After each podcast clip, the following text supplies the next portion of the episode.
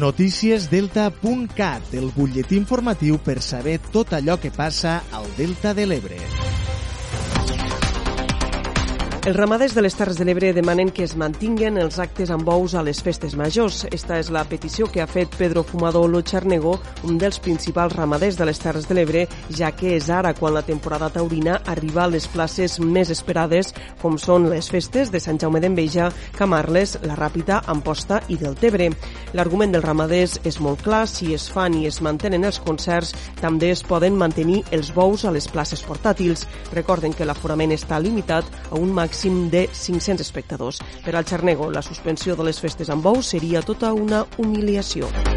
Ho fan en plaça portàtil perquè la llei així tot marca i perquè són tantes les ganes que tenen de fer bous o de veure bous que la gent s'adapta a el que sigui veure bous. I això és d'admirar els ajuntaments que esta vegada no han fet l'anguila, no han fet l'anguila, i estan al costat del poble. Espero que del coll de Balaguer per allà tampoc no facin l'anguila els senyors de detrás d'un despatx perquè si arriben a humillar una vegada més a les Terres de l'Ebre que es facin mirar quan fan concerts molt legítims i molt ben fets que es fan però que no humillen, que només poden entrar a una plaça portàtil perquè se sàpiga 500 persones i alt. Esta setmana, cal recordar, comencen les festes majors a la Ràpita, Sant Jaume d'Enveja i Camarles i totes les poblacions han previst la celebració d'actes amb bous.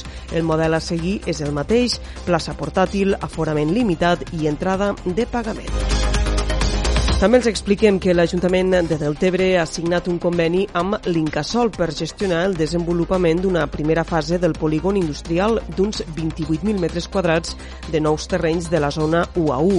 Totes les empreses interessades en l'adquisició de parcel·les es poden posar en contacte amb l'Ajuntament de Deltebre i omplir un formulari per a traslladar la petició a l'Incasol. En funció de la demanda i de les necessitats, esta superfície inicial de 28.000 metres quadrats es pot ampliar en noves fases de desenvolupament gràcies a l'aprovació del FOU.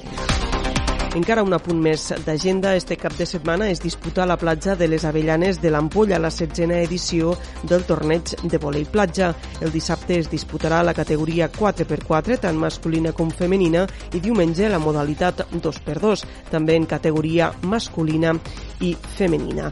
I per acabar, una notícia d'interès i és que l'Hospital de la Santa Creu de Jesús ha posat en marxa el nou accelerador lineal per a tractaments oncològics. Es tracta d'un aparell que permetrà realitzar qualsevol de les tècniques existents de la radioteràpia, incloses les més innovadores. El nou equipament evitarà que els malalts de càncer s'hagin de desplaçar a l'Hospital Sant Joan de Reus per a rebre este tipus de tractament.